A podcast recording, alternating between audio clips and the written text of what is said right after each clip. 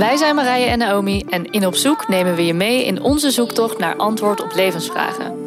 We interviewen experts over vernieuwende en eeuwenoude zienswijzen en hopen hiermee antwoord te krijgen op al onze vragen over gezond en gelukkig zijn. We hebben het over hypnose, Ayurveda, vorige levens, Reiki, cultural appropriation en nog veel meer onderwerpen waar je stiekem meer over wil weten, maar niet met iedereen over durft te praten.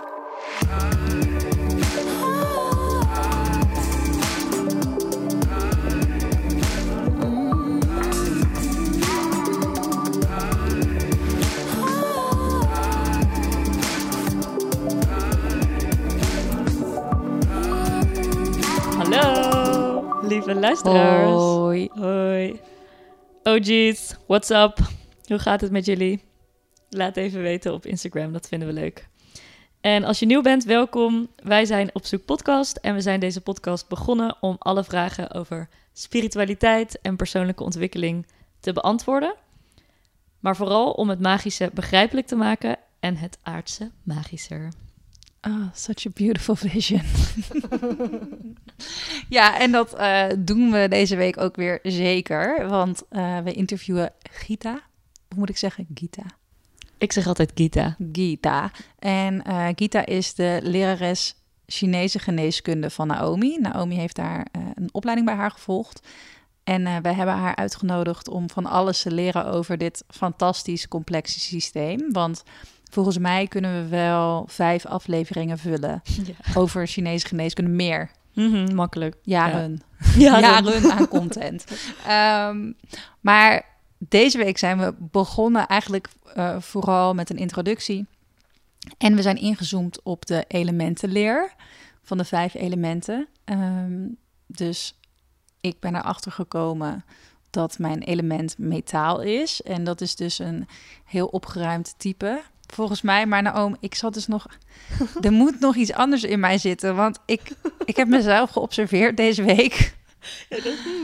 En ik dacht, hmm, het klopt niet helemaal. Want ehm, ik kan wel even vertellen wat er vandaag is gebeurd. Ik ging namelijk Oh ja. afrijden.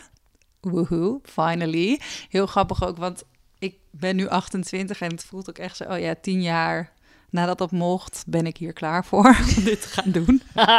Ehm, en ik heb een nieuw pak en het is een soort van racepak eigenlijk. Dus ik dacht, ook doe mijn racepak aan. En ik had mijn kristallen in mijn jaszakken gedaan voor de good vibes. En pure chocola meegenomen voor goede energie. En toen ehm, liepen we naar de examinator toe en toen moest ik mijn legitimatie laten zien. En toen haalde ik het paspoort van mijn vriend uit mijn jaszak in plaats van die van mezelf. Dus ik mocht niet afrijden, want ik had geen legitimatie bij me. Zo Dus ja, heel sad. Maar ook gewoon niet zo slim en voelt ook niet heel erg metalerig. Of Of juist wel. zie ik dat verkeerd? Hmm, leuke vraag. Nee, het is inderdaad niet metalerig. Maar wat natuurlijk wel zo is, is dat alle elementen in jezelf aanwezig zijn. Dus in een bepaalde verhouding heb je ze allemaal. Maar jouw constitutie is dus metaal. Dus het, het overgrote gedeelte is metaal. Maar misschien had je vandaag meer een waterdag. Want dit is, weer, dit is iets wat ja, mij maar volgens mij heb ik veel waterdagen over het algemeen. Ja. Of zijn je ouders ehm, watertypes? Want mijn ouders zijn metaaltypes. Dus ik heb ook eigenlijk best wel wat, wat metaal in me. Kan van die hele mega gestructureerde dagen hebben. Of het huis. Ons huis is ook heel erg opgeruimd. Wat heel veel mensen altijd gek vinden als ze mij kennen. En dan... Mm. Ja, Dus- bij mij is dat dus juist weer niet Ja, bij zo. jou is het tegenovergesteld, hè? Ja, dat is grappig. Ja, dus zo zit er altijd iets in je. En ehm, is ook op een bepaald uur van de dag soms een element weer meer aanwezig of sterker. Ook Ja. door de orgaanklok. Daar hebben we het niet over gehad, hè? Of Nee, dat komt nog. Dat komt nog. Ja. Oké, waarschijnlijk Volgende denk je nu, aflevering. What are you talking about? Nou, dat wordt allemaal helder als je deze aflevering hebt geluisterd. En ik wilde nog heel even terugkomen op onze vorige aflevering. Het interview met Christine over manifesteren. Want daar hebben we echt mega veel leuke reacties op gehad. En ook best wel wat leuke manifestatieverhalen. En ik wilde eigenlijk vragen dat als jij zelf zo'n ehm, manifestatieverhaal hebt, of je dat misschien met ons wilt delen, want dan kunnen wij het weer met jullie allemaal delen en dan kunnen we elkaar inspireren om hiermee aan de slag te gaan en eh expanden, zien wat er allemaal mogelijk is. Dus eh, bij deze een oproep. Stuur je manifestatieverhalen onze kant op. Heel veel plezier met luisteren naar Gita over de vijf Oosterse elementen en hoe je ze kunt gebruiken in je leven.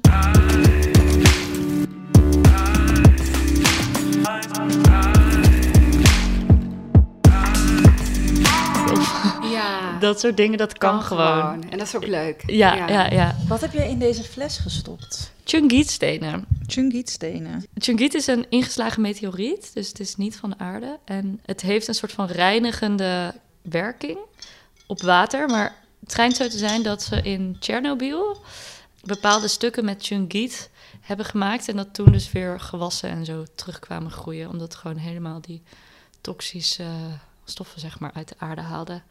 Vet hè? En dat er kindjes in een oorlog, of door een oorlog, ik weet niet welke oorlog dat was, getraumatiseerd waren en niet meer spraken. En toen hebben ze een kamer gemaakt van Chungit en die kinderen daarin gezet. En na de rand begonnen ze langzaam weer te kletsen en zo.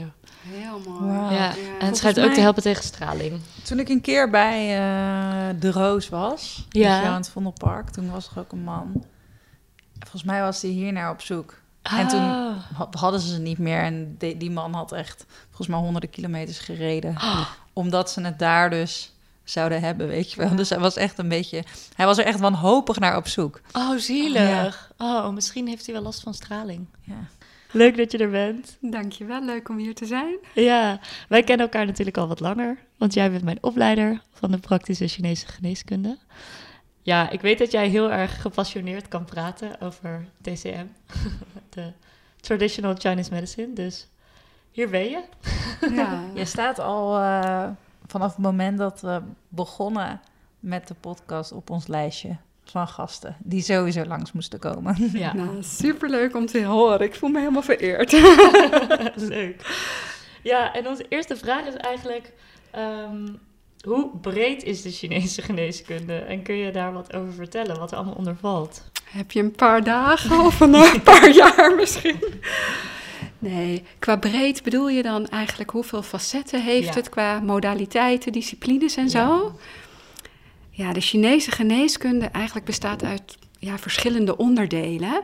En waarin de westerse geneeskunde eigenlijk heel erg gesplitst is. Hè? Voor, een, eh, voor je longen ga je naar de longarts, voor je hart ga je naar de cardioloog. Zijn eigenlijk in de Chinese geneeskunde zijn al die facetten gewoon binnen de geneeskunde gebleven.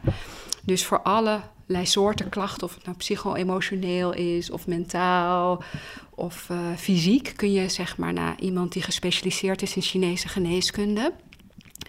En dan kun je behandeld worden door een scala van behandelingen of therapieën, zoals acupressuur, drukken op punten, acupunctuur. Dan worden ja, punten eigenlijk aangeprikt door middel van een heel dun en fijn naaldje. Maar ook voeding, massagetechnieken. Ik doe ook heel veel coaching eh, aan de hand van het model van de vijf elementen. En eh, ja, ademhaling, bewegingstherapie, dat zijn ook allemaal onderdelen eh, van deze vorm van geneeskunde. Wat ligt dan eigenlijk aan de basis van al die verschillende vormen, al die verschillende modaliteiten, zoals je het net ook al noemde? Ehm, de basis is zeg maar dat de Chinese geneeskunde holistisch is. En nou, volgens mij is dat woord al wel vaker binnen jullie podcasts terechtgekomen. En dat wil eigenlijk zeggen hè, dat je kijkt naar het geheel, naar de mens en al de lagen en facetten die wij als mensen hebben. Zowel naar het fysieke, het mentaal-emotionele, het spirituele lichaam zou je kunnen zeggen. En dat je dat niet scheidt van elkaar. En dat je dus niet alleen iemand helpt om van een klacht af te komen, maar meer gaat kijken naar de oorzaak en daarin ook dus de ander ja, kan begeleiden eigenlijk op zijn levensweg. Hè? Naar een betere vitaliteit en een betere gezondheid en ook vooral een beter welbevinden. Hè, sommige klachten zijn niet eh, te genezen, maar je kunt, je, wel, ja, je kunt er wel anders in gaan staan. En je toch gezond voelen of beter voelen. Beantwoord ik zo een beetje je vraag? Ja, zeker Ja. wel. Ja. Ja. En ehm, net noemde je ook al de vijf elementen. En wat ik van Naomi weet, is dat yin en yang volgens mij ook. Ja, de filosofie van yin en yang, dat is eigenlijk een beetje, zou je kunnen zeggen, het hart of het basisprincipe van de Chinese geneeskunde. En als ik dat in mijn woorden zou uitleggen, ja, dan kun je eigenlijk zien dat er uh, ja, twee basiskrachten of twee basisenergieën en bewegingen actief zijn in het leven. En het is de dynamiek als het ware die tussen deze twee bewegingen die ons kunnen helpen om alle processen in onszelf als mens, maar ook in de wereld om ons heen en in het universum meer inzichtelijk te maken en te verklaren. En als je dan kijkt naar yang, dan is yang eigenlijk een, ja, een uitgaande, opwaartse, actieve beweging. En yin is een meer neerwaartse, passieve, inwaartse beweging. En yang staat voor dag en voor licht en voor warmte en meer voor energie. Waar zeg maar yin meer staat voor nacht, voor kou, uh, voor materie, als yang energie is. En wij zeggen niets is puur yang of yin. Iets is altijd yin of yang, afhankelijk van de context waarin je het plaatst. Dus uh, nou, het wel bekende voorbeeld uit mijn lessen, hè, Naomi. Als je kijkt naar de. Ja, je vergelijkt de zon, zeg maar, met de aarde. Dan zou je kunnen zeggen: Goh, wat is meer yang, wat is meer yin? En heb je daar een idee over, Marije, als ik dit zo even zo zeg? Van, uh... Ik zou zeggen dat de zon meer yang is. Ja, en waarom? Hitte. Ja, de zon is veel meer warmte als de aarde, dus het is meer jange energie. Maar vergelijk je als het ware de aarde met de maan, welke is dan meer yin of yang? Dan is de aarde denk ik weer meer yang. Ja, klopt. want de aarde is veel meer warmte, daar is leven, daar is beweging, daar is activiteit. De maan die schijnt s'nachts, hij schijnt niet eens echt, hij reflecteert het licht van de zon. En zo kun je eigenlijk iets als yin of yang zien, afhankelijk van, ja, van de contact. En je ziet ook die twee stipjes in die yin-yang beweging, dat laat dit eigenlijk zien. En uh, we zeggen in de Chinese filosofie, dit zijn twee zijden van dezelfde medaille. Het een kan niet zijn zonder het andere. Dus als jij uh, niet weet wat warmte is, hoe kun je er weten wat kou is? Hè? En als je niet nooit dag hebt ervaren, je moet weten wat dag is, hè, moet je weten wat nacht is. Dus wij zeggen ook wat zijn twee zijden van dezelfde munt of dezelfde medaille. En in de, in de oude China zeggen ze ook twee is één. Hè? Het, uh, het zijn twee kanten, twee dualiteiten van dezelfde energie. En het is ook ontstaan als het ware uit hetzelfde.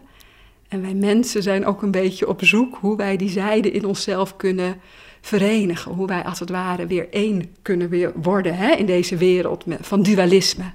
Hoe gebruik je dan zo'n principe zoals um, yin en yang in de praktijk en in dit geval dan in jouw praktijk? Ik ben daar benieuwd naar een soort van een voorbeeld. Ja, nou, wat dit, eigenlijk is deze tijd een heel goed voorbeeld. We leven in een ontzettend jonge tijd er is heel veel activiteit, er is heel veel beweging. Uh, dankzij de uitvinding van licht, uh, geluid zijn we 24/7, kunnen we doorwerken. S'nachts kunnen we nog in activiteit zijn. Uh, de komst van internet, computers, telefoon, tablets. We, we zijn continu eigenlijk bereikbaar. Is het niet fysiek, dan is het wel met ons hoofd. Dus we leven, zeg ik altijd, in een hele jonge maatschappij. Heel erg naar buiten gericht. Mensen hebben ook het gevoel, uh, je moet zichtbaar zijn, je moet jezelf laten zien, je moet iets bereiken. Je moet jezelf neerzetten in de wereld. Het moet van jezelf of je hebt het gevoel hè, dat het moet van anderen. En dus um, is de jenne-energie, wat meer een neerwaartse en passieve beweging is. En ik zeg bewust passieve beweging, want als ik zeg stilstand, denken mensen, oh, dat is niets. Of dat is, hè, het is stilstand, dus het is niet. Maar om een passieve beweging te maken en meer naar binnen te keren en niets te moeten, maar gewoon te kunnen zijn, ehm, is een uitdaging. Maar door dat wel te doen, voorkomen we dat we opbranden in die jonge uh, maatschappij, in die jonge energie. Dus het is ehm, ik zie veel klachten, zeg maar, die voortkomen uit dit tijdsbeeld, waarin heel veel activiteit is, heel veel yang. En ik zie ook heel veel de behoefte om meer ja, naar binnen te keren en meer bij jezelf te mogen zijn en te landen. En eh, meer mindfulness bijvoorbeeld te zijn. Het is heel populair tegenwoordig. Of yin yoga. Het zijn allemaal methoden waarop men ook uh, ja, gewoon naar binnen probeert te keren. En als ik een praktisch voorbeeld geef, toen ik net begon in mijn vakgebied, zag ik bijvoorbeeld allemaal uh, ja, meer vijftigers met midlife crisis, met burn-out verschijnselen, uh, vrouwen van wie de kinderen uit huis gingen en die zoiets hadden, ja, wie ben ik nu? En uh, ja, mannen die de top hadden bereikt in het bedrijfsleven, een gezin en toch een gevoel hadden van, ja, um, geen voldoening. Hè? Ik heb alles bereikt, maar ik mis iets. En um, ja, dan ontstaat meer de jinnenkant om naar binnen te gaan. En ook te voelen wie ben ik en wat heb ik nodig. En hoe zet ik mij vanuit mijn eigen kracht opnieuw in de wereld in plaats van maar in die red race te zijn. Of ze doen hetzelfde als voorheen, hè? met een 20 jaar jongere vrouw en een nieuwe auto kun je natuurlijk weer in die jonge proces uh, gaan zitten. Maar nu zie ik ook heel veel twintigers, ook heel veel van jullie uh, generatie, die eigenlijk al uh, burn-out zijn of een ja, quarter-life crisis hebben, zou je kunnen zeggen. Hè? Die, um, ja, die toch heel veel al opgegroeid zijn met internet, met telefoon, met computers. In een hele lange tijd. Alles is bereikbaar. Je hebt duizend keuzes. Uh, je moet alles kunnen en ook nog gezellig zijn. Uh, en hè, die zijn eigenlijk al, als je maximaal yang hebt, komt daarna de yin. Dus op het hoogtepunt van de yang start de yin. En als jij uh, niet leert om bij jezelf te mogen zijn en nogmaals weer naar binnen te mogen. Als je daar geen tools voor hebt om naar binnen te kunnen richten, ja, dan krijg je dus sneller dat je ook in crisis belandt. Wat ook wel weer mooi is, want dat leidt ook weer tot zelfontwikkeling. Hè? Hoe jonger je zelf tegenkomt, pittig, maar zorgt er ook voor dat je eerder tools aangereikt krijgt om ja, meer bij jezelf te kunnen aankomen. Ja, is dat een beetje een praktisch voorbeeld? Zeker weten, zeker ja, weten. Ja. En een heel herkenbaar voorbeeld. Ik denk ook een heel herkenbaar voorbeeld voor, uh, voor veel van onze uh, luisteraars. Ja. Ja. En kun jij iets uitleggen? Ik wil zo nog verder praten over de elementen. Ik zag uh, toevallig gisteren, ik ben de Last Airbender aan het kijken. De Avatar, ken je dat? Ja, ja ja, met die vier elementen ook. Ja, ja, ja. Het is superleuk. Ja. En daar, uh, ik keek dat vroeger altijd al met mijn zusjes en ik begrijp ineens mezelf veel beter nu ik die serie weer Ja, dat is heel leuk, hè? Helemaal geïndoctrineerd. Maar um, op een gegeven moment is er een aflevering en dan zie je uh, twee uh, vissen in een vijver, een wit en een zwarte. En die, die symboliseren dan het yin en het yang. En er is dan een generaal en die wil uh, de maan uitzetten, want hij is van de vuurnatie. Mm -hmm. En dan kunnen ze met die vis, want de vis heeft de spirit van de maan... en dan gaat hij die vis doodmaken en dan gaat de maan uit. En dan wordt, het, wordt de aarde ook rood en heel erg vurig en donker. En ja, echt een hele nare plek. En de moraal van het verhaal is dan ja, dat, dat het dus inderdaad één medaille is en dat je ze allebei nodig hebt. En toen vertelde ze ook over de oceaan en de maan, Tui en La. En dat het dan spirits zijn die hun, hoe heet dat, immortality, onsterfelijkheid, uh, hadden opgegeven om naar de aarde te komen. En ik was benieuwd, want ik weet dat jij heel veel weet van de Chinese filosofie. Of jij dit verhaal kent en of je daar meer over kan vertellen ik heb dit stukje van die serie gezien, dus ik weet waar je het over hebt. Het is wel even geleden. Ja. En um, nou, hè, kijk, de Chinese geneeskunde, ja, we weten niet precies hoe oud het is, maar het is heel erg oud. En de Chinese geneeskunde, zeg maar, in die cultuur zie je dat nog steeds, is er heel veel. Uh, zij zeggen eigenlijk zo in de natuur, zo in de mens. Hè? En door het observeren van processen in de natuur zijn zij eigenlijk ook ja, processen in de mens gaan observeren. En ook bijvoorbeeld ouders, voorouders, uh, generaties daarvoor, van wie jij ook jouw genen en jouw energie hebt doorgekregen, spelen een hele belangrijke rol. Ook in de Chinese cultuur, zelfs tegenwoordig, zie je dat eigenlijk in, in hè, de belangen van het individu van oudsher wat meer ondergeschikt zijn aan de belangen van het geheel. En als je dan terugkomt op die spirits en zo. Ehm, een cultuur van voorouderverering, uh, van, uh, ja, van spirit of geesten of wat ze noemen po. Hè, dat zijn een soort, uh, um, ja, hoe zeg je dat? Um, po zijn een soort... echo's? Ja, echo's of ja, geesten als het ware, zou je kunnen zeggen. Aan de ene kant is Po jouw gehechtheid aan de aarde. Hè? Dus dat is heel erg belangrijk.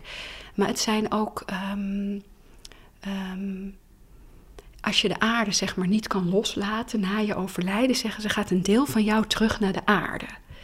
En als jij iets niet kan loslaten, blijven ook als het ware bestaan. Dus die hele cultuur van uh, geesten, van spirit, van energie van buitenaf, wat komt naar jou toe, of het energie van voorouders is of wat dan ook, speelt een belangrijke rol in die cultuur. En daar is ook dus heel veel verering uh, voor. Jij als mens bent als het ware wordt geboren. Je bent eigenlijk nog niets. En dankzij jouw ouders, jouw voorouders, jouw leraren, et cetera, besta jij. En vanuit ook de invloeden vanuit boeddhisme en zo, die daar zijn ontstaan. Ook het hebben van meerdere levens, uh, van mensen die verlichting bereiken, maar naar aarde terugkeren om jou te helpen. En als een soort guidance bij je processen speelt, ja, speelt daarin nog een belangrijke rol. Ja. Ja. ja, en dat je dus ook van de, de, de maan en de oceaan dus vereerd. Dat vond ik heel mooi in die aflevering. Ja, hè, vanuit de Chinese geneeskunde zijn ook allemaal scholen. Je hebt natuurlijk Confucianisme, maar ook als het ware het naturalisme. Hè? Dus de hele verering van de natuur. Het kijken naar de processen van de maan en de zon. Het observeren van die bewegingen van de natuur. Speelt daarin, een, ja, speelt daarin gewoon een hele belangrijke rol. Hè? De menstruatiecyclus van de vrouw is hè, volgt de maan. Uh, de ja, dus wij zijn eigenlijk als mensen die natuur. En de verering daarvan is, uh, ja, is gewoon ook belangrijk dus. Dat is ook de verering van jezelf, zou je kunnen zeggen. Ja. Wat mooi. Speelt dat ja. nog steeds een grote rol, denk je dan nu in China? Nou, er is ook natuurlijk enorme verwestering gaande. En waar wij hier in het Westen ook juist op zoek zijn naar ons innerlijk, zie je dat daar weer een meer jonge beweging sta, ontstaat van welvaart, et cetera. Maar zeker zijn er ook nog dorpen, meesters, uh, uh, ja, ook waar de westerse maatschappij nog wat minder doorgedrongen is, waar dit een hele belangrijke rol speelt. Eigenlijk klinkt dat wel heel mooi als je dat zo zegt, dat wij dus als westerse maatschappij een beweging maken van yang naar yin. En dat daar dus een beweging meer wordt gemaakt van yin naar yang. Ja. Het voelt ook juist weer, zeg maar, je kan er van alles van vinden, maar het voelt juist ook weer een soort van gebalanceerd of zo, als je dat zo zegt. Ja, en ik denk dat beide is ook oké. Door beide te ontdekken, groeien we. En um, um, het is helemaal niet erg op zich om onderuit te gaan en om in de yang uh, te zijn en dat te leven. Um, wat belangrijk is, als dat gebeurd is, kan ik naar mijzelf kijken en kan ik met ondersteuning van een behandelaar of mensen om mij heen, uh, kan ik dan die andere beweging leren maken. In plaats van dat je denkt van, goh, stom dat ik nu weer over die grens ben heen gegaan. Dat is dubbel op. Je bent over de grens heen gegaan, moet je jezelf dan nog straffen om nog een keer over, daarvoor. Of kun je ook zeggen, oké, dat is zo. En wat kan ik nu hiervan leren? Ja, ja. mooi. En wil je wat vertellen over jezelf? Hoe jij bent en hoe jij uh, op dit pad terecht bent gekomen? Ja, natuurlijk. Wat wil je weten? Alles. Alles. nou ja, hoe, uh, hoe je ooit Chinese geneeskunde bent gaan studeren misschien, is wel leuk. Nou, jullie hebben al gehoord dat mijn naam Gita is. Het is misschien mooi om te zeggen, ik ben gelukkig. Dat is het belangrijkst. En hoe ik ooit op dit pad ben gekomen. Um, als kind heb ik al vanaf heel lang, misschien drie of zo, zei ik: ik word later arts of ik word dokter. En mijn moeder die is, uh, of was verloskundige en mijn vader was leraar, maar die vertaalde ook Indiaanse en Iraanse uh, boeken.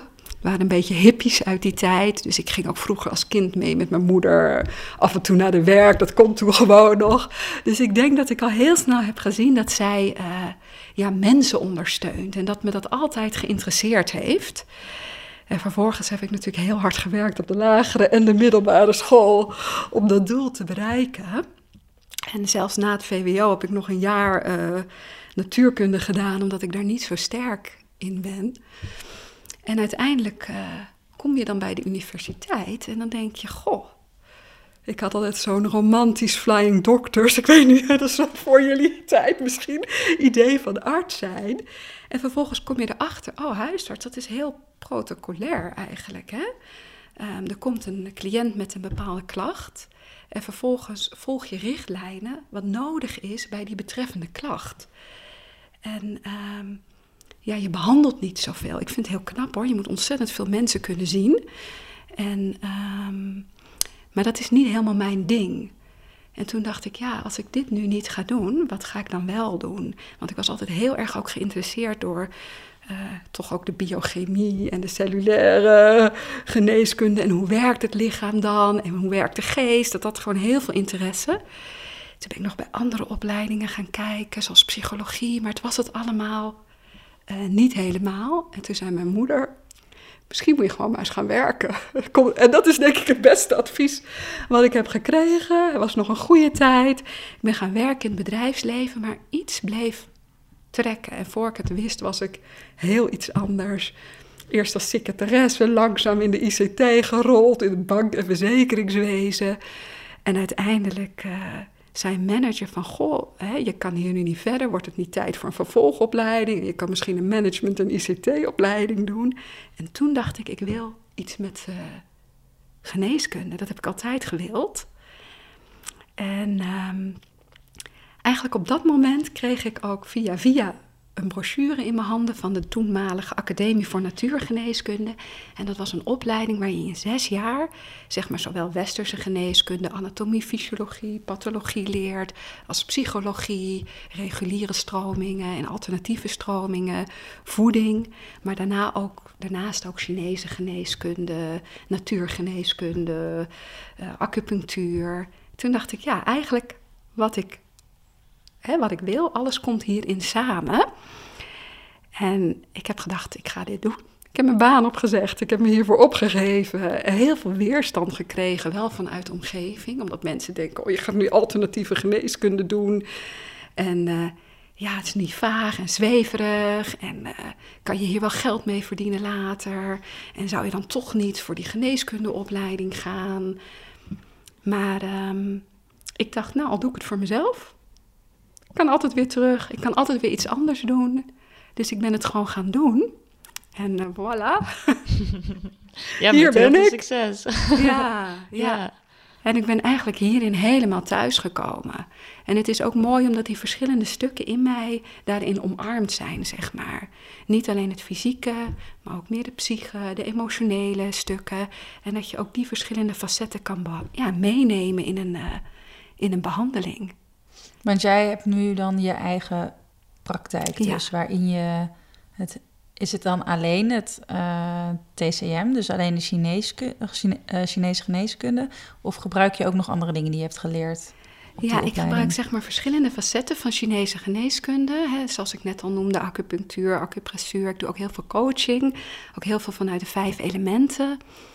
Uh, maar ik gebruik ook nog bepaalde therapieën uit de natuurgeneeskunde. Hè? Bepaalde massagetechnieken. Of soms zet ik bachbloesems in. Ik ben ook als, uh, met westerse fytotherapie, westerse kruiden opgeleid. Dus ja, dat is hier makkelijk voorhanden. Dus ik zal ook bijvoorbeeld wat sneller westerse kruiden voorschrijven in een behandeling.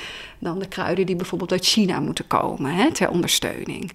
Wanneer komen patiënten bij jou? Want we zijn hier natuurlijk best wel gewend om te denken: hé, hey, ik heb hier last van, ik ga gewoon naar de huisarts. En uh, de huisarts verwijst denk ik niet door naar uh, een praktijk zoals die van jou, toch?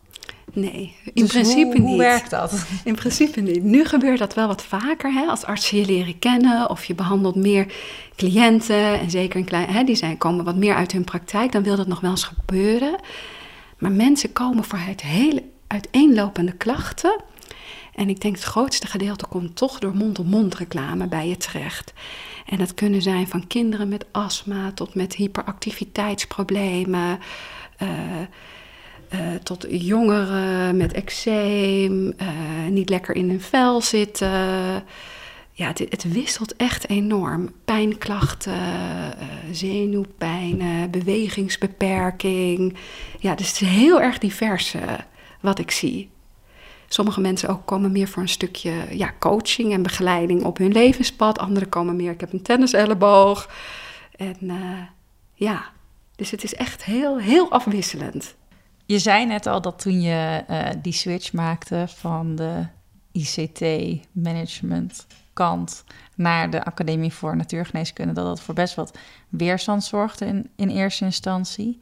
Hoe ga je om als je weerstand ervaart op wat je doet?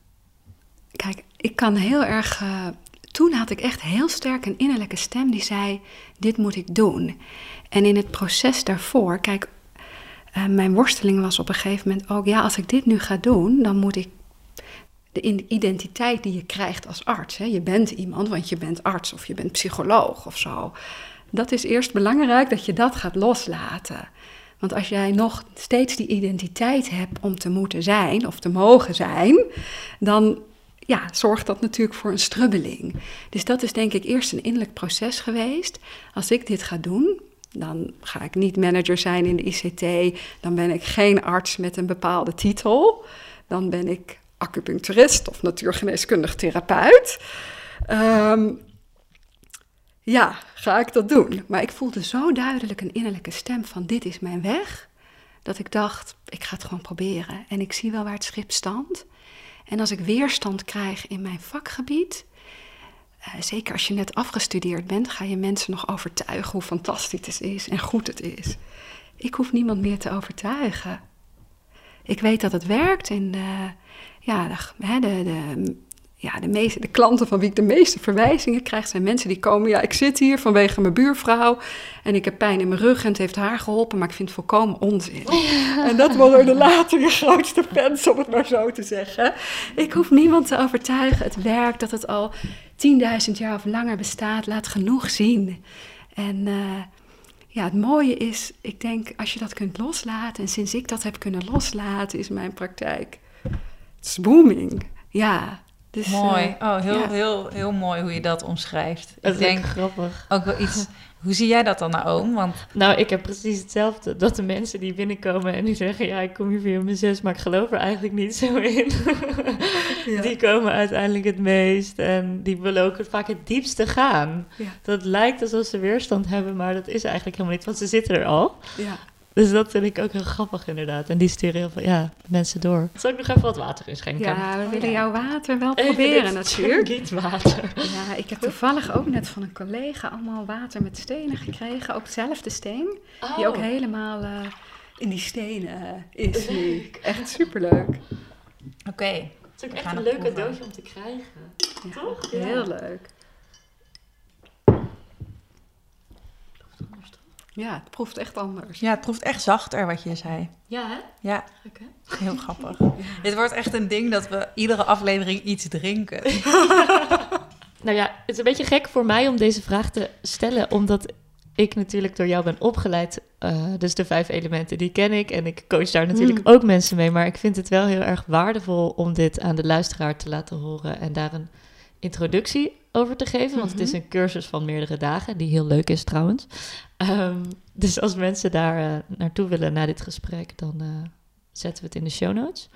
Um, maar kun jij uitleggen wat de vijf elementen zijn en daar een soort introductie in geven? Natuurlijk.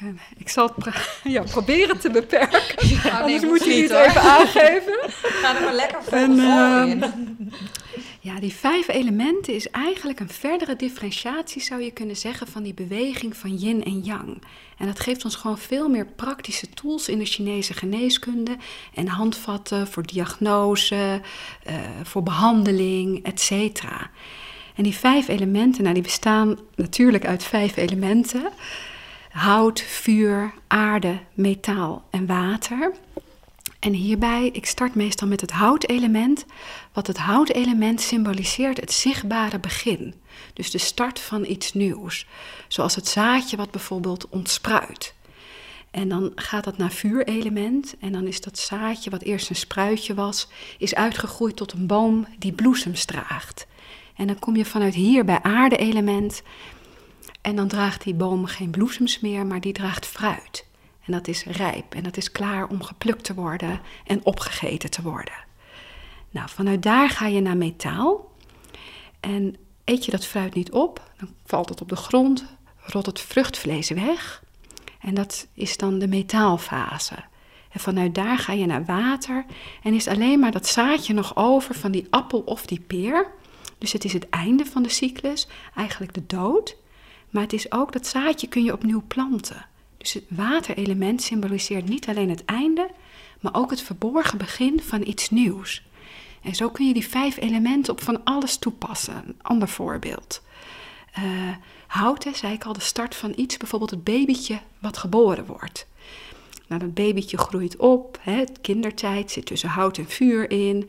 En dan kom je bij vuurelement, dan begint de tienertijd, de puberteit, de jongvolwassenheid. Hè. Die kinderen komen letterlijk tot bloei, krijgen een groeispeurt. De reacties worden vuriger letterlijk. En dan kom je naar aarde en dan heb je die volwassenheid bereikt. En dan heb je de maximale groei als het ware bereikt. En dan kun je alleen nog maar, ja, ik zeg als je staat op het topje van de berg, je gaat nu naar beneden.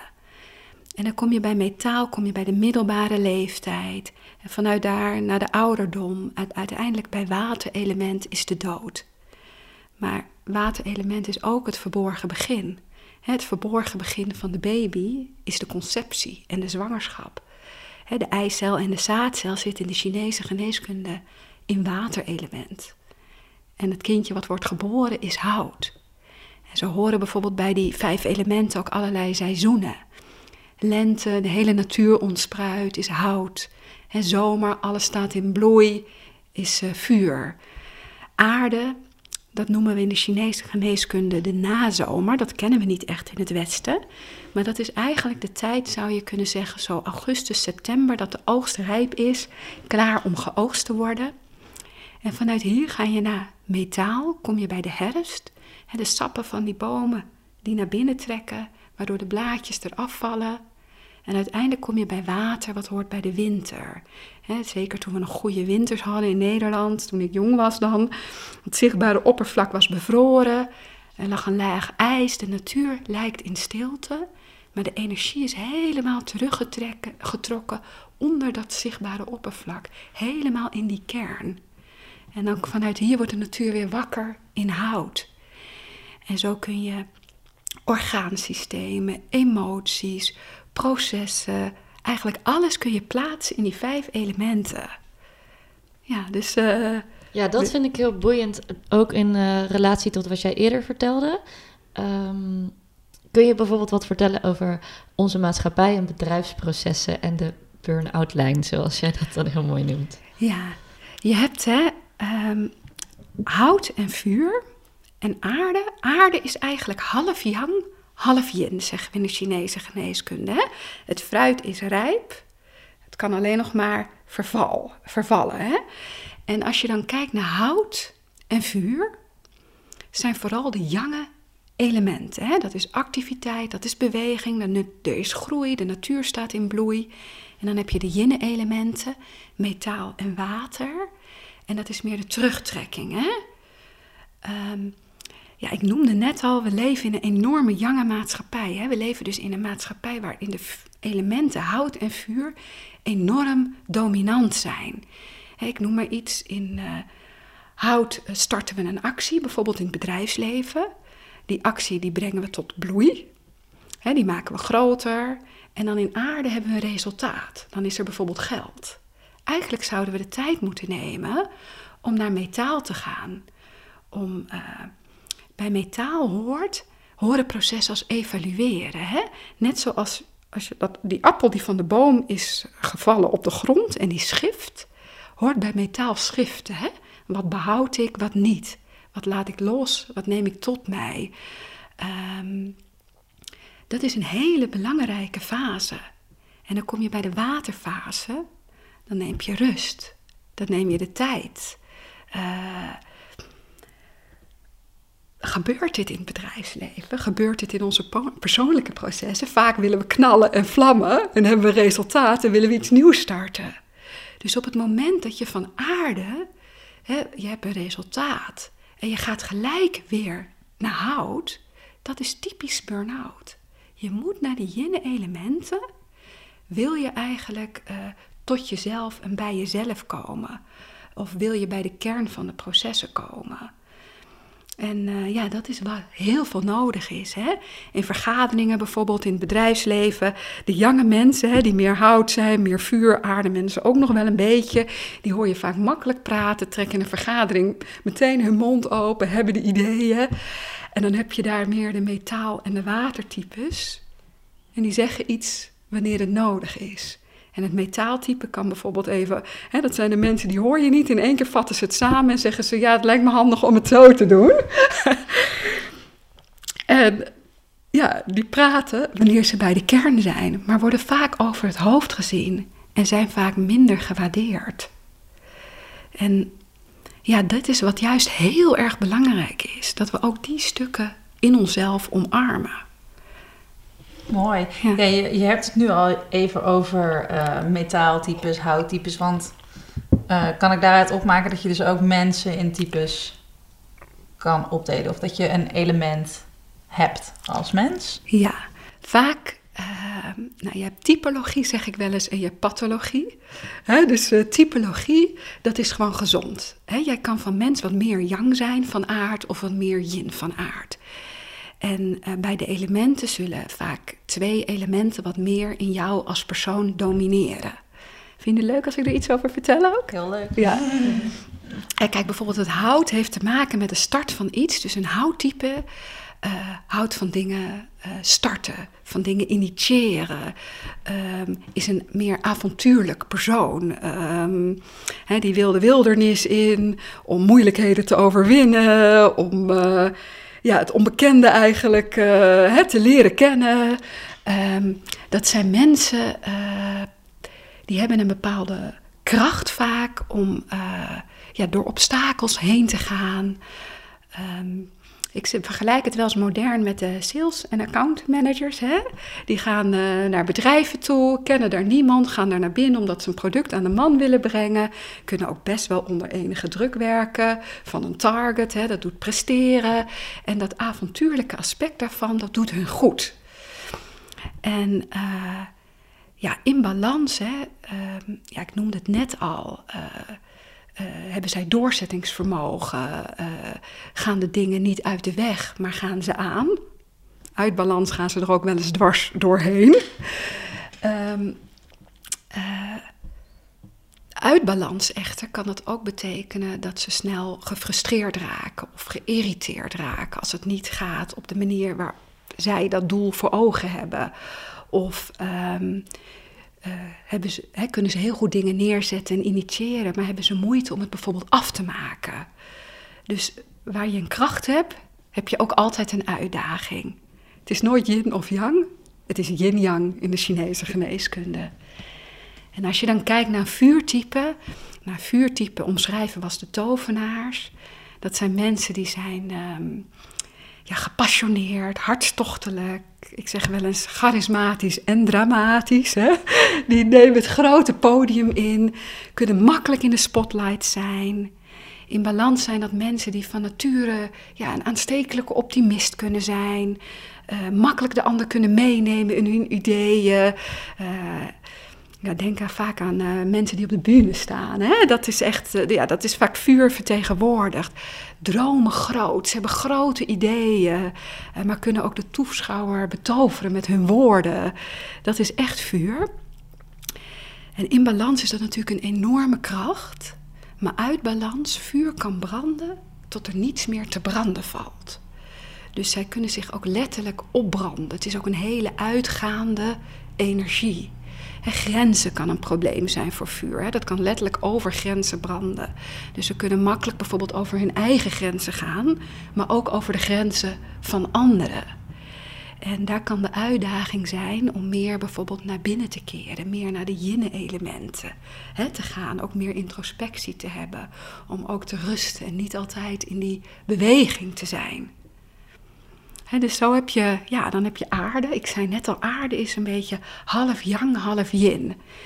Aardetypes, dat noemen we de, ja, de vredestichter of de zorgzame moeder. Net zoals moeder aarde eh, zorgt, voor haar men, zorgt voor de mensen met haar gewassen. Zo zijn aardetypes zorgzame mensen. Die zorgen graag voor de mensen om hun heen. En ehm, die houden van balans uh, in relaties, in vriendschappen. Um, kracht, ja, dat zijn bijvoorbeeld, hoe heet dat? Mensen, ambassadeurs, hè? die gaan bijvoorbeeld naar oorlogsgebieden of um, uh, negotiators, hè? die kunnen de beide zijdes als het ware zien en daarin verbinden. Dus dat is natuurlijk een enorme kracht.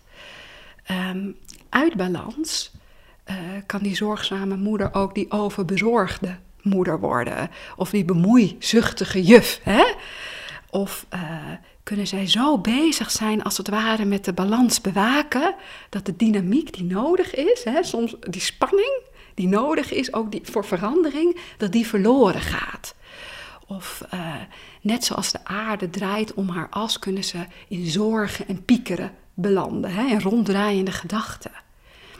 En de uitdaging van aarde is ook om net zo goed jezelf te voeden als de ander. Om uh, in balans kunnen zij net zo goed voor zichzelf zorgen als voor de ander. Ik zie daar heel veel verstoringen op dit gebied in deze maatschappij. Um, waar, we, waar veel mensen, degenen die heel goed voor zichzelf kunnen zorgen, die hebben mij niet nodig, die komen ook niet in mijn praktijk. Maar waar heel veel mensen, aardetypen of niet, moeite hebben met dit aspect. En geneigd zijn om zichzelf helemaal weg te geven, bijvoorbeeld. Dus dat is uh, een stukje aarde-uitdaging. En dan heb je het metaaltype. Metaaltype noemen we vaak de procesmanager of de alchemist.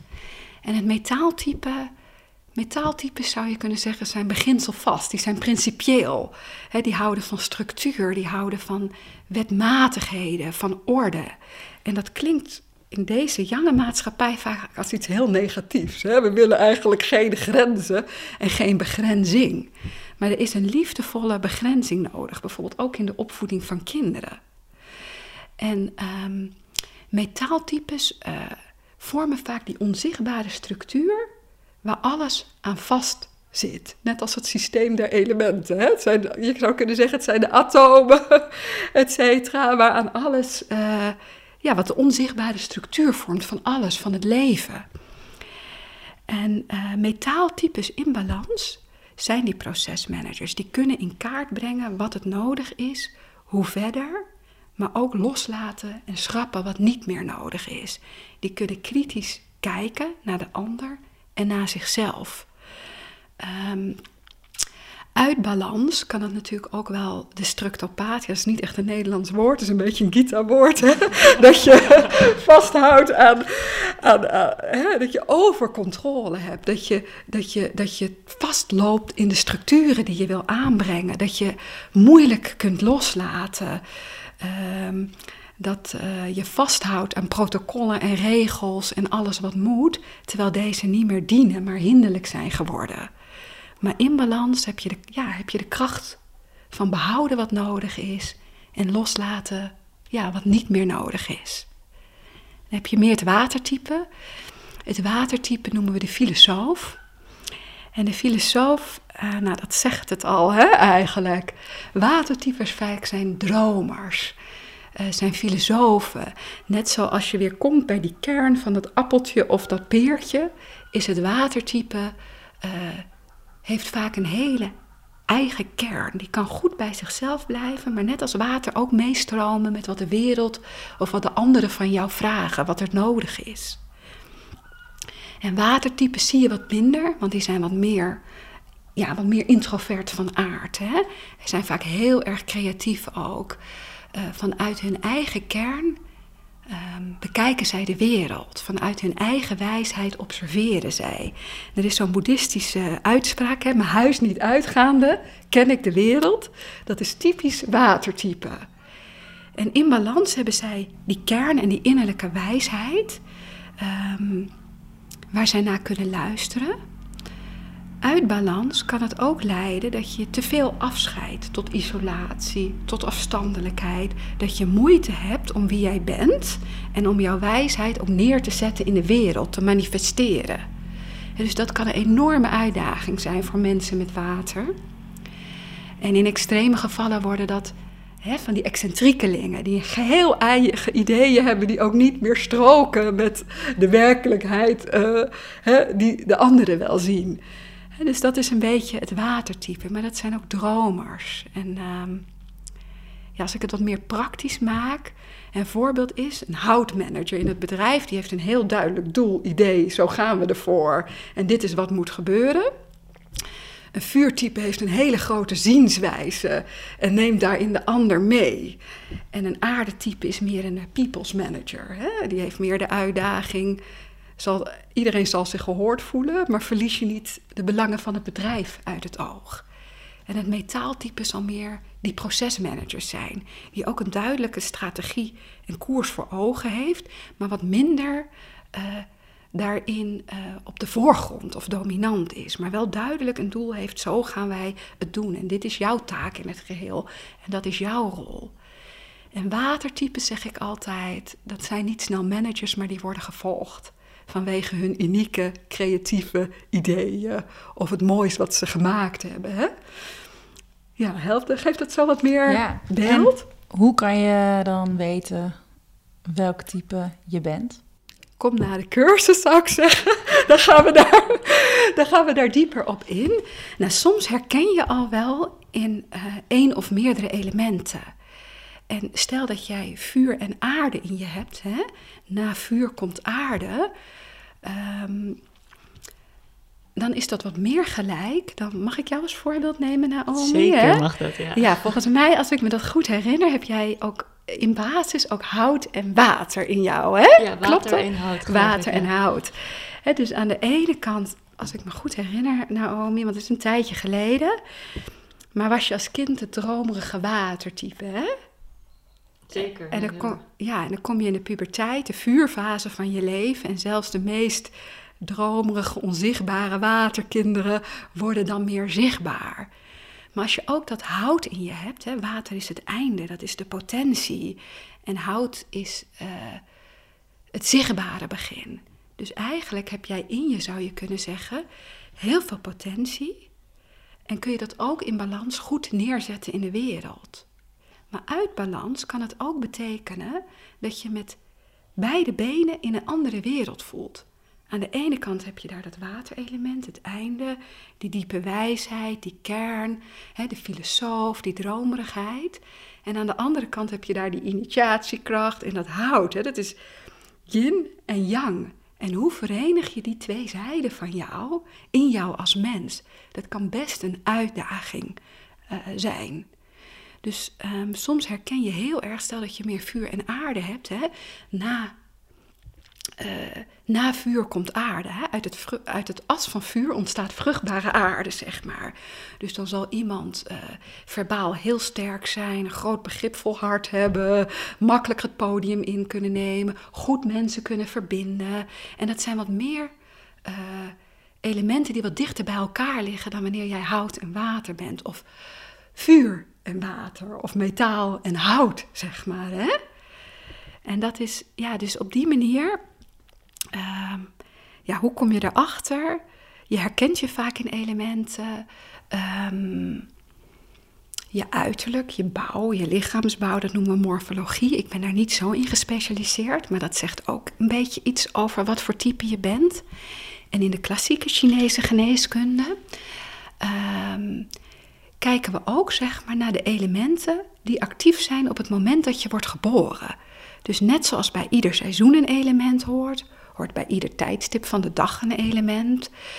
Um, kun je eigenlijk berekenen welke elementen zijn in wij aanwezig op het moment dat ik word geboren. Bij min, meer je constitutionele elementen die samen met uh, degene die je krijgt van je ouders en je voorouders, uh, samen met de conditie van de moeder van, hè, van jouw moeder in de zwangerschap, bepalen wie jij bent. Naast factoren als voeding, opvoeding, leefomstandigheden en leefstijl. En door naar die constitutionele elementen te kijken, krijg je ook vaak wat meer inzicht in jou als persoon. En soms veranderen we ook. Hè? Als jij ehm, vuur en water in je hebt, en je hebt heel erg veel metaalouders, is het soms niet heel handig om heel vurig te zijn, want je krijgt allemaal regels en structuur. Dus wat ga je doen? Of je wordt nog vuriger, dat doet het metaal wat smelten hopelijk. Of je denkt, ja, als ik me iets meer ga voegen, dan ben ik onderdeel van het geheel. En ehm, zo ontwikkel je soms ook uh, strategieën of elementen die niet helemaal jouw eigen zijn. En kan dat later ook wel eens dus tot problemen uh, ja, leiden. Hè? Want ik doe nu wel zo, maar eigenlijk ben ik niet helemaal zo. En wie ben ik dan wel? Does it make sense a bit? Ja. ja. En misschien ook wel goed om even kort te benoemen. Um, het is niet handig om daar diep op in te gaan. Nee. op de organen natuurlijk. Maar wil je een voorbeeld geven van bijvoorbeeld iemand die dus heel erg zijn metaalelement heeft aangesproken? Terwijl dat niet zijn of haar constitutie was. En wat er dan kan gebeuren in de long of in de dikke darm. Um, ja. ja. een soort klacht of zo. Een soort klacht. Van. Nou, het kan bijvoorbeeld zijn dat iemand bij mij komt met obstipatie, verstopping. Die kan niet goed ontlasten. Uh, misschien met buikpijn, uh, hyperventilatieproblemen, ik noem maar iets. Hè. En dan kan het dus zijn nou, laat ik vooral, laat ik vooral beginnen. Stel dat tien mensen met obstipatie komen, zeg maar, in de westerse geneeskunde bij een arts, dan krijgen ze in principe dezelfde behandeling. En in mijn vak ga ik dan kijken, wat is de reden daarvan?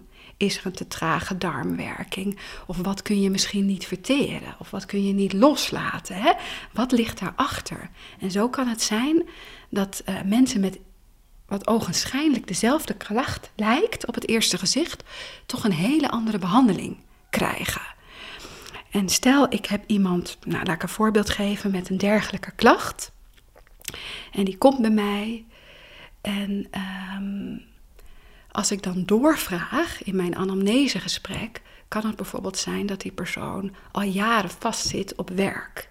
En geen keuzes durft te maken om iets anders te gaan doen of uh, ja, angst heeft om los te laten wat er is.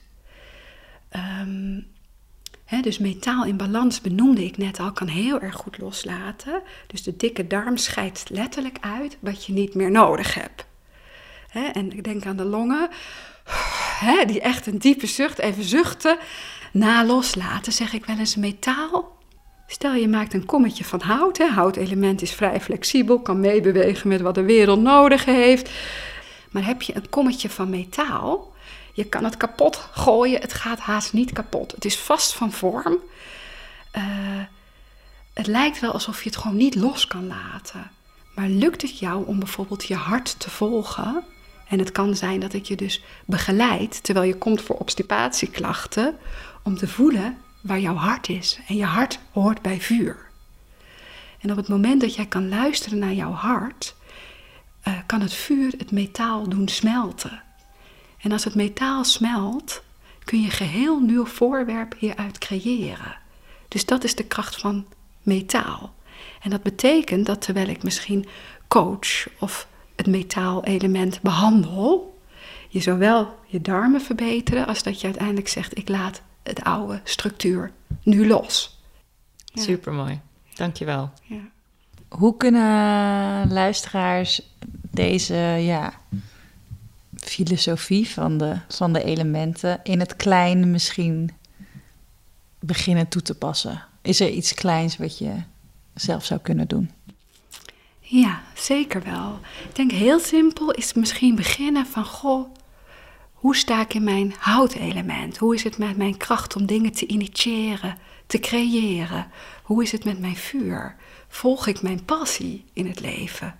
Hoe is het met mijn aarde? Ben ik net zo goed in staat om voor mezelf te zorgen als voor de ander? Hoe is het met mijn metaal? Heb ik structuur of totaal niet? Uh, kan ik loslaten wat niet meer passend is? En hoe is het met mijn water? Kan ik niks doen? En als ik niks doe, doe ik dus heel erg veel. Um, mag ik mijzelf de tijd geven om gewoon te zijn zonder te doen? Um,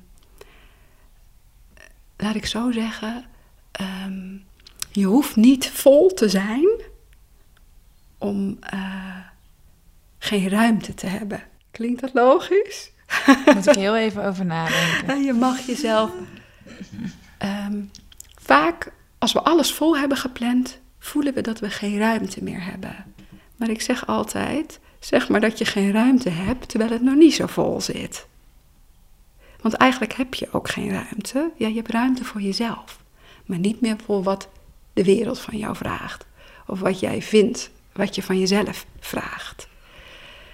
Ehm, ja, dus zo, kijk hoe die elementen in jou zijn en wat heb jij daarin nodig.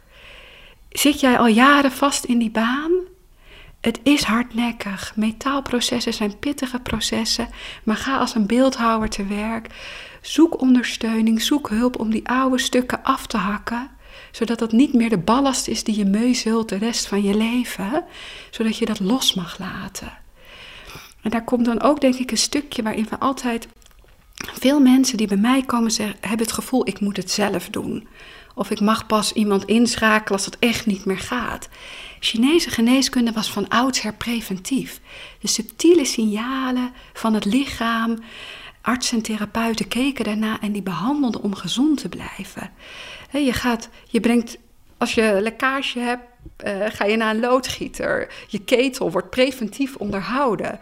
Je gaat ieder jaar met je auto naar APK. En wij mensen die het meest ingewikkeld in elkaar zitten, moeten het allemaal zelf doen. Ja, ook als je geen klachten hebt, mag jij ondersteuning krijgen. En ik denk dat is heel goed ja, om dat te beseffen. Je hoeft het niet alleen te doen. Het is van oudsher uh, ja, ook goed om preventief aan de slag te gaan. Maar ik zat wel ook nog te denken, want uh, ik ben metaaltype, toch? Maar ik kan heel goed loslaten. Ja, dat is super. Hmm. Want dat is metaaltype in balans. kan heel goed ja, loslaten. Dus dat klopt wel. Dus het is niet zo dat je daar dan dus juist nee, uit, moeite mee hebt. Nee, uit balans kan moeite zijn. Maar in balans kan juist heel goed loslaten. Oh, kan ook heel goed bijvoorbeeld... Uh, ja, stukken afhakken die niet meer nodig zijn. Heeft ook het vermogen tot introspectie. En uh, kijken, wil ik dit nog wel? En ook uh, ja, veranderingen in aan te brengen. Want dat vind ik juist ook altijd het leukste om te doen. Ja, ja heel leuk. gewoon eens in de zoveel tijd gewoon, oké, waar ben ik mee bezig? Klopt dit nog? Ja of nee? Weet je wel? En dan is dat voor mij ook helemaal geen moeite. Ja, en dat is structuur ook in het loslaten eigenlijk, hè? Ja, ja mooi. Grappig. Ja. Ja, Gita, Um, hoe kunnen mensen jou bereiken? Um, de opleiding Oosterse elementenleer, dat is een super mooi begin, denk ik. Als je na deze informatie denkt: wow, ik wil er meer over weten. Ja, bij Healing Space geef ik een driedaagse over die Oosterse elementen. En dat is voor iedereen toegankelijk. Ongeacht je vooropleiding. En voor therapeuten is dat dan een geaccrediteerde bijscholing. Maar iedereen mag daar naartoe. En dan gaan we gewoon drie dagen aan de slag met die vijf elementen. En leer je ook ja, de elementen in jouzelf, zeg maar, herkennen. En voor mij in de praktijk zeg ik altijd: je bent van harte welkom. Maar ik heb een enorme wachtlijst. Dus ja, daarin moet ik ook iets loslaten. Je mag zeker contact opnemen. Nou, dankjewel. Heel erg bedankt. Heel graag gedaan. Jullie ook Nog dankjewel. heel even kort, ik ben wel benieuwd. Wat is jouw element? Ik heb heel veel aarde in mij en wat vuur. Ah, ja. Leuk. Dus uh, ik, ik, ik, kom ook uit een super groot gezin.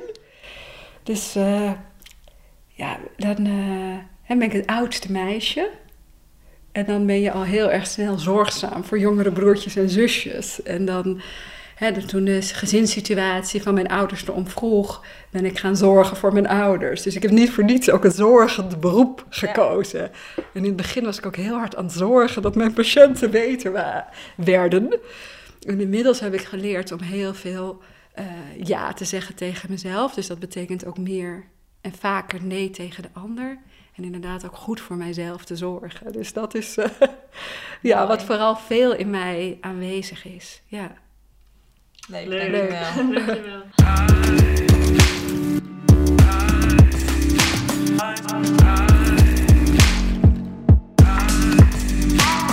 Bedankt voor het luisteren weer. En als je het leuk vindt om hier meer over te leren, in april start de nieuwe cursus Oosterse elementenleer bij Healing Space. Staat in de show notes. Deel deze aflevering vooral met al je vriendjes en vriendinnetjes. En als je ons wil volgen op Instagram, dan vinden we dat ook heel leuk. En de reviews in de Apple Podcast app, daar zijn we heel erg blij mee, want zo worden we weer beter gevonden. En ik wil er nu eentje voorlezen. Ze zijn allemaal heel leuk hoor, maar deze vind ik heel speciaal. Hij is van Eveline. De Opzoek podcast is inspirerend, gezellig en gewoon mega leuk. Uitroepteken. Maakt me niet alleen wijzer, maar ook elke keer weer vrolijk. Kijk al uit naar de volgende. Ik word er gewoon echt heel blij van. Dat mensen er blij van worden. Jee, dankjewel Eveline. Dankjewel. En wat ik nog wilde vertellen is... Marije en ik zijn geïnterviewd door Patrick Kikken. Ze zit nu nee naar me te knikken. Maar als je op YouTube intikt Naomi en Marije... dan zie je twee hele onhandige chicks op een bankje zitten. en geïnterviewd worden door een mega ADHD-rige DJ. en het gaat ongeveer precies nergens over. Maar je leert ons wel beter kennen. Oké, tot de volgende keer. Bye.